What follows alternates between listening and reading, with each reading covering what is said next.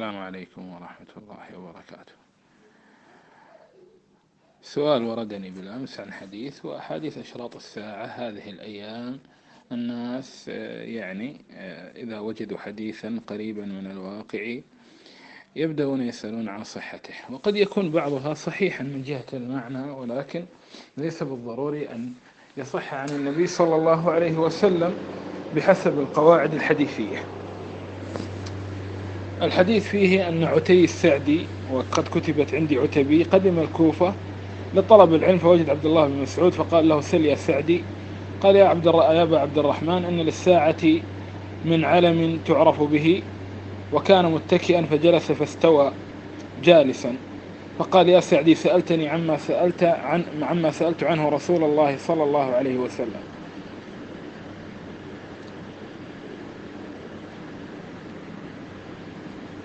هل للساعة من علم تعرف به؟ قال نعم. قال ابن مسعود للساعة إعلاما وأن للساعة إشراطا وأن من أعلام الساعة وأشراطها أن يكون الولد غيظا وأن يكون المطر قيظا وأن تفيض الأشرار فيضا. يا ابن مسعود من أعلام الساعة وأشراطها أن يصدق الكاذب وأن يكذب الصادق. هذا في الصحيح له شاهد. يا ابن مسعود أن من أعلام الساعة وأشراطها تواصل الأطباق أن تواصل الأطباق وأن تقطع الأرحام ينزلونها الآن على موضوع الفضائيات يعني. يا ابن مسعود أن من أعلام الساعة وأشراطها أن يسود كل قبيلة منافقوها وكل سوق فجارها. يا ابن مسعود أن من أعلام الساعة وأشراطها أن تزخرف المحاريب وأن تخرب القلوب. هذا في آثار أخرى عن الصحابة. يا ابن مسعود أن من أعلام الساعة وأشراطها أن يكون المؤمن في القبيلة أذل من النقد. وهذا فيه أثر عند عند البيهقي في الزهد الكبير عن أبي العالية أنه قال لا تقوم الساعة. أبو العالية تابعي كبير حتى يكون المؤمن أذل من الأمة يعني أذل من العبدة. يا ابن مسعود وهذا مشاهد يعني هذا مشاهد أنه يسخر منه باستمرار وغير ذلك. حتى السمت الظاهر صار محل نقد في كثير من البلدان يستحي الإنسان المرأة تعد من الواحد إلى العشرة حتى تلبس إلى الألف حتى تلبس النقاب. الرجل يحتاج مدة يقنع نفسه أن يطلق لحيته أو أن الله المستعان. حتى الكلام باللغة العربية في بعض المواطن مهين ومع مع أنها يعني لغة القرآن إلى آخره. قال ابن مسعود إن من علام الساعة وأشراطها أن يكتفي الرجال بالرجال والنساء بالنساء. يعني المثلية. يا ابن مسعود أن من أعلام الساعة وأشراطها أن يعمر خراب الدنيا ويخرب عمرانها.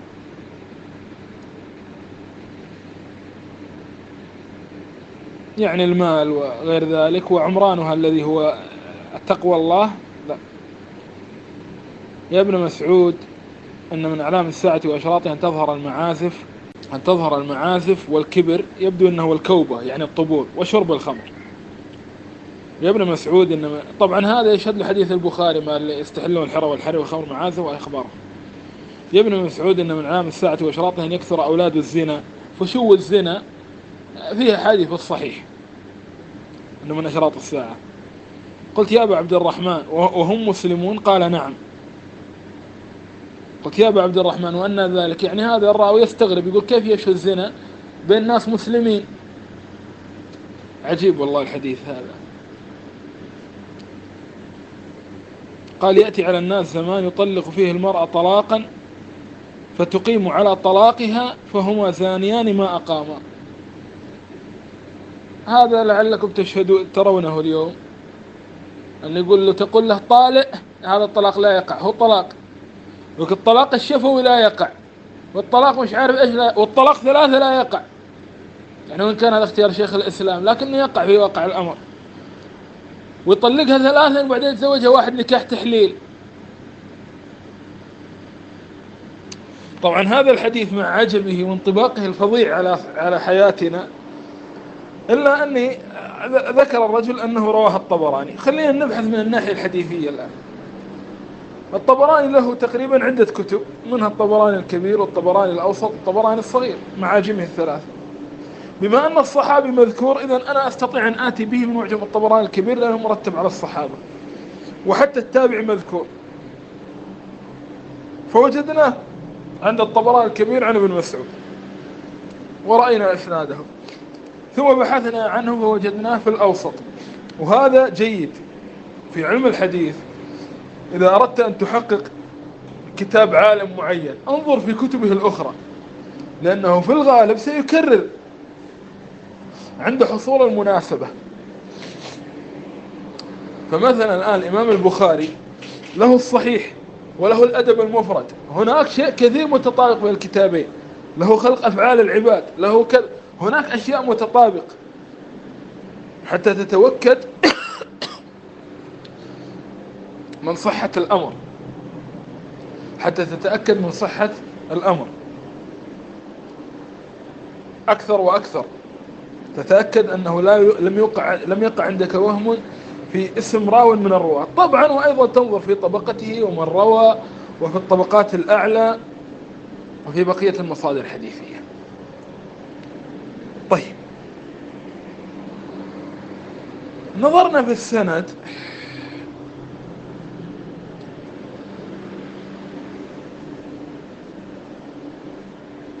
فوجدنا راو يقال له سيف بن مسكين الأسواري رجعنا بحثنا له عن ترجمة. في التاريخ الكبير البخاري لم يذكر فيه جرحا ولا تعديلا. ذهبنا إلى آه، ميزان الاعتدال للذهبي. فوجدنا فيه كلام ميزان الاعتدال كتاب الخاص بالضعفاء. طبعا مجرد كون الحديث لا لم يخرج في الكتب التسعة أو الستة هذا يدل على أنه فعلا فعلا ليس ليس صحيحا. طيب. وجدنا أن ابن حبان جرحه جرحا شديدا وأن دار قطني جرحه والدار قطني ابن حبان. يعني حتى هذا ما يؤكدك ما يؤكد لك على دقة السنة أنك تجد اسم راوي في في سند معين وأحاديثه قليلة. ثم تجد لهذا الراوي وإن كان ضعيفا خمس تراجم أو ستة أو سبعة والكل يتكلمون عنه. مما يدل أن الأمر قد ضبط في في أدق أبوابه وهو اسم الرواة. فكيف لا يضبط في الباب الأوضح وهو المتون طيب الآن مثل هذا الخبر. هو ضعيف لا يصح. هناك كيف التعامل معه مع ما في متنه من إغراء؟ يعني عجيب المتن. وكيف يمكن يكون هذا الراوي غلط؟ ونحن نرى أن الواقع يصدق ما قال. وأحاديث أشراط الساعة كيف يتعامل معها؟ حقيقة علماء العلماء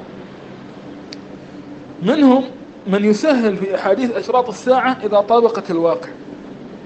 وهذا المسلك سلكه الشيخ حمود التويجري رحمه الله في كتابه إتحاف الجماعة. ومنهم من قال لا تنزل عليها النصوص العامة طريقة أهل الحديث. وهذا ما كان يميل له الألباني وغيره. ونحن نرى التوسط بين المذهبين وأنه فعلا بشرط أن لا يكون الضعف شديدا. ولكن أيضا طيب من أين جاء هذا الرجل بهذا الكلام؟ نزل عليه وحي. يعني هذا شيء عجيب. فيقال هناك كتب تختص بأشراط الساعة مثل الفتن لنعيم بن حماد. مثل الفتن لحنبل بن إسحاق مثل الفتن للداني هذه كتب مهمة لمن هو مهتم بهذا الباب. وهناك رسائل معاصرة قوية وجيدة مثل جامع الكبير والجامع الصغير عفوا مثل إتحاف الجماعة التويجري وأشراط الساعة للوابل. وأنا نسيت أن أذكر لكم كتابا في المرة السابق كتاب اسمه كنز العمال وهذا الذي كان يعتمد عليه الشيخ تويجري رحمه الله. كنز العمال هذا كتاب جاء بكتاب الجامع الكبير للسيوطي وغيرها و و ورتب على أحرف الهجاء وأيضا رتب على المواضيع. فتجد أنه في طريقته يشبه الجامع الكبير ولكن ماذا يضع لك حديث أشراط الساعة كلها مع بعضها. وهذا كتاب مفيد جدا في شو اسمه؟ في التخريج. ولا أدري حقيقة كيف أنا نسيته كل المدة الماضية. كنز العمال المتقي الهندي. طيب. طيب كيف عرف هذا الراوي مثل هذا الكلام؟ الواقع والله تعالى أعلى وأعلم أنه خلط بين آثار وأحاديث صحيحة وقد يكون الخبر من مراسيل الحسن. يعني الحسن رواه عن رسول الله صلى الله عليه وسلم مباشرة. وعادة الناس أن فيهم زهدا في رواية المراسيل. هذا أول نقطة. النقطة الثانية أحاديث أشراط الساعة ليس لها من الاهتمام ما لأحاديث الأحكام. خصوصا إذا كانت مثلا مراسيل. والمراسيل مثل مراسيل الحسن وغيره. والمراسيل مثل مراسيل الحسن وغيره. والمراسيل أنه يروي عن رسول الله صلى الله عليه وسلم مباشرة. نحن ندفعها من منطلق الاحتياط. وقد نجد لها شواهد وقد لا نجد. ولكن في الوقت نفسه لا نقطع بتكذيبها إلا إذا وجدنا ما يعارضها. فنقطع بوهم الراوي فيها. وهذا أمر مهم.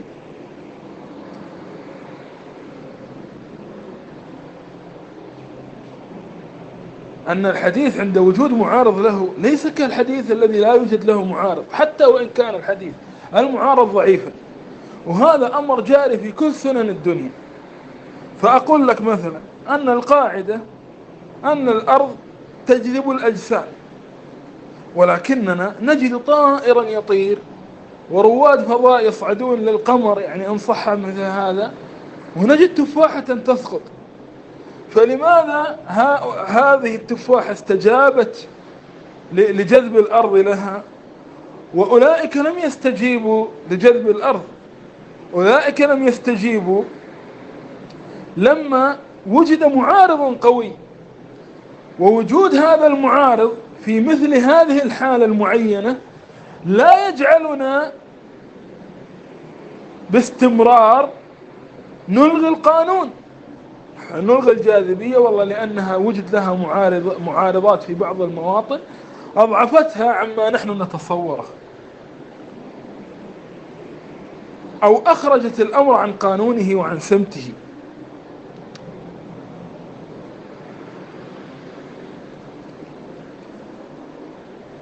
فهناك الكثير من أشراء أخبار الساعة الذي لم يكن يهتم السلف بتحديث كل الناس بها. بل لأنهم كانوا مهتمين بتعليم الناس أمور الدين وضرورياته. فلهذا تجد كلامهم في في الحكمة في في الأحكام أكثر بكثير من أشراط الساعة وما سيحصل لاحقا. وأحاديث أشراط الساعة أيضا ينبغي التنبه أن تطبيقها على الواقع ينبغي أن يكون فيه نوع من التأني. مثل قضايا الإعجاز العلمي يحتاج الأمر إلى نوع من التأني حتى نتأكد على الأقل من أن فهمنا لهذا الخبر سليم.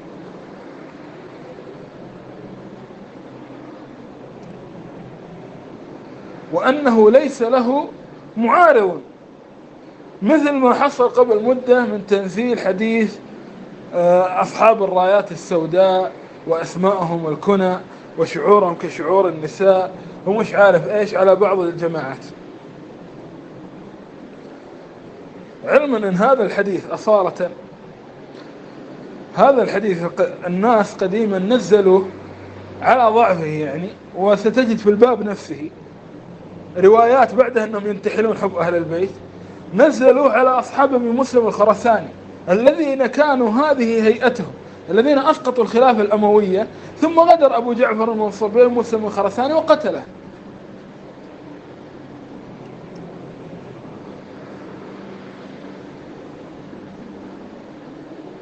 فالأمر ليس له علاقة بهذا فلا بد من التأكد والتأني. وأما تنزيل خصوصا الملاحم أنه ستحصل معركة في الوقت الفلاني أو في الوقت الفلاني. وفي الحقيقة نجد في الأزمنة السابقة عند الأئمة الكبار قديما أنهم لم يكونوا ينزلون الأمور بسهولة.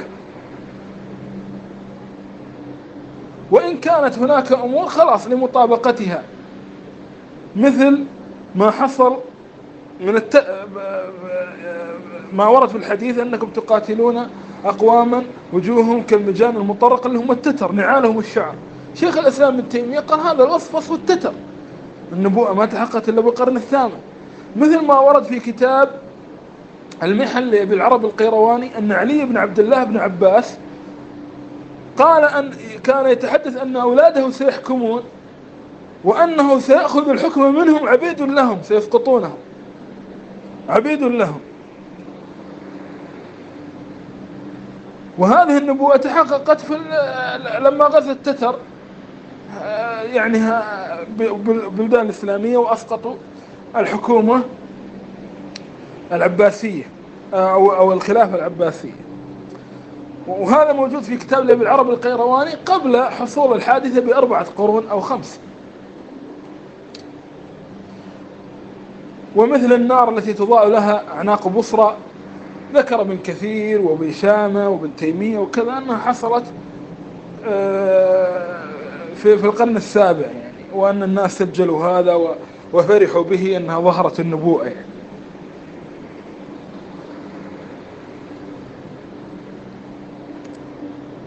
مثل يعني حديث منعت الشام قفي قفيزها وكذا ومنعت العراق قفيزها و ثم قال النبي ثم قال النبي وما هذا يا رسول الله؟ من ماذا؟ يعني والصحابة يتحدثون وكأنهم يعرفون تماما أن الشام والعراق ستصبح إسلامية. فيقول لهم النبي الروم الروم لا يرضون بهذا. يعني هذا تقريبا لكن أحيانا يكون الموجود ما نراه إرهاصات للذي كان النبي يتحدث عنه. فهناك بعض التي تذكر مثلا فشو الربا؟ فتجد بعض شراح الحديث يقولون هذا حصل في وقتنا. والذي حصل في وقتهم لا يقارن فيما حصل في وقتنا. ولكن هم يعتبرون الفشو وظهور بعض الظواهر فقط. ظهور بعض الظواهر فقط. مقارنة بالتي قبلها. يعني يعني مثلا أنت لما تنظر لحكم بعض الأمويين مقارنة بالراشدين تراه يعني مستوى من الظلم لكن إذا قارنته مقارنة بمن جاء بعدهم تراه عدل هكذا. فكان هؤلاء العلماء يكون لهم تأثر بحالهم الماضية. فحين يجدون نوع من التغير من الإرهاصات الذي كان النبي يتحدث عنه يقولون ها هذا هذا وقع هذا ما قاله النبي. والواقع أن النبي صلى الله عليه وسلم لم يكن يقصد الحالة التي هم عليها بل يقصد حالا أشنع وأعظم شنعا وهي الحالة التي ستأتي لاحقا. وحقيقة أحاديث أشراط الساعة في كثير منها ما يقوي الإيمان جدا بأمرين بالنبوة وبنقل السنة. مثل الأحاديث تتكلم عن تقارب الزمان مثل تداعى عليكم العموم كما داعى الأكلة على قصعتها. قالوا من قلة نحن يومئذ يا رسول الله؟ قال لا أنتم كثير ولكنكم كغثاء السيل. مثل أثر عبد الله بن عمرو بن العاص أنه يكون أناس سنتهم كسنة الأعراب ما جاءهم من مال يجعلونه في الحيوان يرون الجهاد مغرما والزكاة آه، غرما. مثل حديث آه، الذي يحدث الأمة أنهم سيتركون الجهاد وأنهم وأنهم. مثل الخبر اللي فيه بصحيح مسلم وإن كان ظاهره أنه بعد آه، بعد آه، يعني بعد نزول المسيح ولكن لعل هذا من باب الإشارة إلى شيء قبل أن تترك القلاص فلا يسعى عليها. حتى بعض المشيخة مثل الشيخ حمود التويجري وحتى بعض وإن كان هذا الباب دخله مبالغات خصوصا في مؤلفات المغاربة دخله مبالغات. ولكن هذه المبالغات لا تنفي أصل وجود الباب وهذا ينبغي أن نتنبه له. عند نقد أي شيء فعلينا أن نفرق بين الأصيل والدخيل بين البحث الجيد والبحث السيء. مثلا عندنا في علم الحديث ظهرت مبالغات عند بعض الناس في الطعن في أحاديث صحيحة وفي الكلام في العلل. هذه المبالغات لا تجعلنا نلغي علم العلل أصالة. وإنما ننقي. ظهر عند بعض الناس مبالغات في احتمال الأخبار الضعيفة حتى أدخلوا الموضوع. هذا لا يجعل نفس القصة مع جماعة الإعجاز العلمي. ظهر أناس تبالغ تبالغ تبالغ جدا. يأتون إلى نظريات هشة ثم يأتون ويحاولون استخراجها من النصوص بتكلف مقرف لكن هذا لا يجعلنا نلغي الباب من, أسا من, من أساسه من أصالته.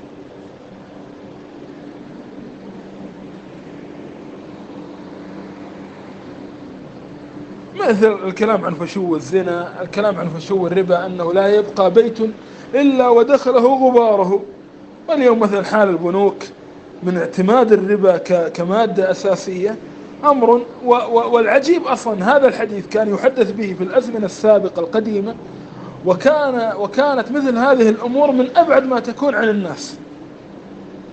فمثلا كان يحدث بتداعى بحديث تداعى عليكم الأمور كأداعى الأكل على قصعتها أو حديث الربا أو غير ذلك والخلاف في في في أشد صور قوتها وإنما كان الخلاف يقع بينهم وبين بعضهم البعض. أيضا حديث آه، لتتبعون سنن من كان قبلكم حذو القذة بالقذة. رأيتم؟ وغيرها كثير. وغيرها كثير.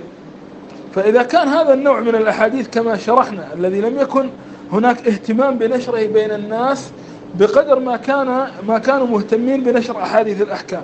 إذا مثل هذا النوع حفظ فأحاديث الأحكام من باب أولى محفوظة لأنه هي طبيعة أحاديث الأحكام هي أكثر أسانيد. أحاديث الأحكام يعودها واقع عملي. أحاديث أشراط الساعة لا يعودها واقع عملي. بل تبقى 100 200 سنة 300 400 والناس غير متصورين. مثل حديث كأسلمة البخت. مثل ما في هذا الحديث على ضعفه أنه لما حدث عن انتشار الزنا يتعجب يقول له هم مسلمون؟ مثل ما في حديث آه، تداعى عليكم الأمم. يتعجبون الرواة كيف يعني؟ قلة. هم لا يفهمون أن مثل هذا الأمر يحصل إلا إذا كنا قليل فقط. يعني الناس تتداعى علينا إذا كنا قلة. هذا المنطقي. هذا هذا فكر ذاك العصر. فالنبي يصدمهم يقول لا كثير جدا. ولكنهم كغثاء السيل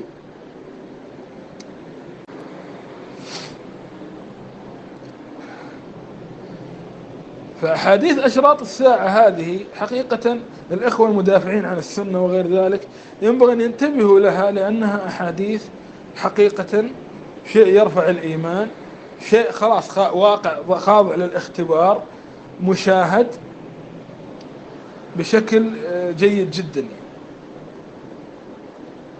بل أصلا كثرة كلام النبي ونبوءاته صلى الله عليه وسلم عن أمور ستحدث مستقبلا.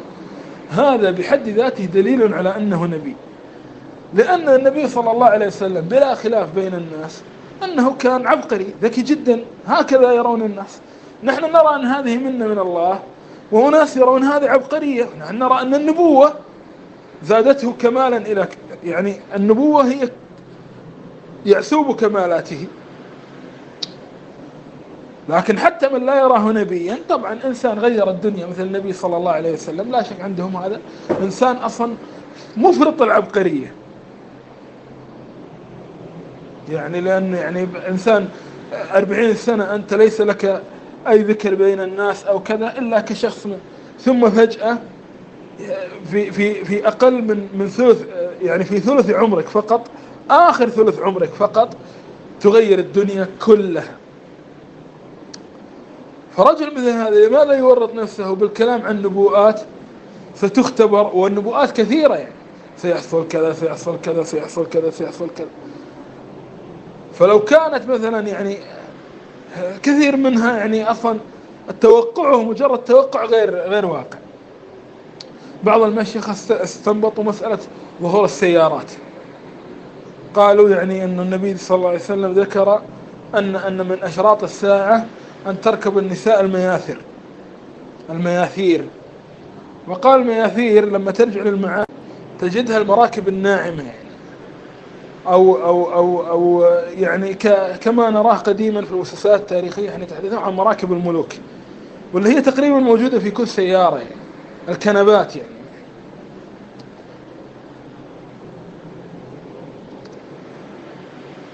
فأصلا حتى ال ال يعني هذا طبعا ما لولا أنه سبقنا يعني مثل شيخ تويجري وحتى وحتى الألباني في صح موارد الظمآن أشار إلى هذا. أن أن النبوءة جاءت عجيبة من ناحية إيش؟ أنها ذكرت النساء. ومن المعلوم أن النساء تأخرن تأخرن في ركوب هذه الأمور عن الرجال. فمن المعروف أن أن الرجال هم أول من ركب العربات والسيارات. ثم بعد مدة بعد ما وصلت السيارات إلى مرحلة من الرفاهية لم تكن عليها في بادئ أمرها بدأت النساء تركبها. فذكر النساء حتى تسمية النساء شيء عجيب. شيء عجيب حقيقة.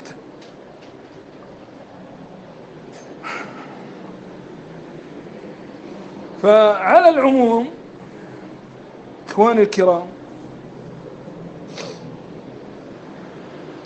هذا باب واسع. باب جميل. ولكني أنا لم أرى من نبه إلى أن أخبار أشراط الساعة هي أضعف من ناحية الأسانيد أو من ناحية روايتها والاهتمام أو اقتران القرائن بها من أحاديث الأحكام. فأحاديث الأحكام فيها من القرائن من الواقع العملي من إفتاء الناس بها من ممارسة الناس لها من من تعدد أسانيدها. ما لا يوجد في أحاديث أشراط الساعة. يعني حتى ذكر النبي صلى الله عليه وسلم للدجالون الذين يظهرون بين يدي الساعة. و... وأنهم كلهم يدعي أنه نبي. وأنه إلى عصرنا هذا إلى عصرنا هذا. يعني مثلا لما خرج إليجا محمد في أمريكا ودع النبوة آه، تبعه إلى اليوم يتبعه مئات الآلاف. يعني اليوم مثلا هذا المئة الأخيرة هذا على أساس أنها عصر العلم يعني ها؟ بها ميرزا غلام. هؤلاء لما تجمع أتباعهم يعني آه، لوجدت أنه لو كان عندك واحد من على ألف من أتباعهم في درس لانتشيت من كثرة من يسمع لك.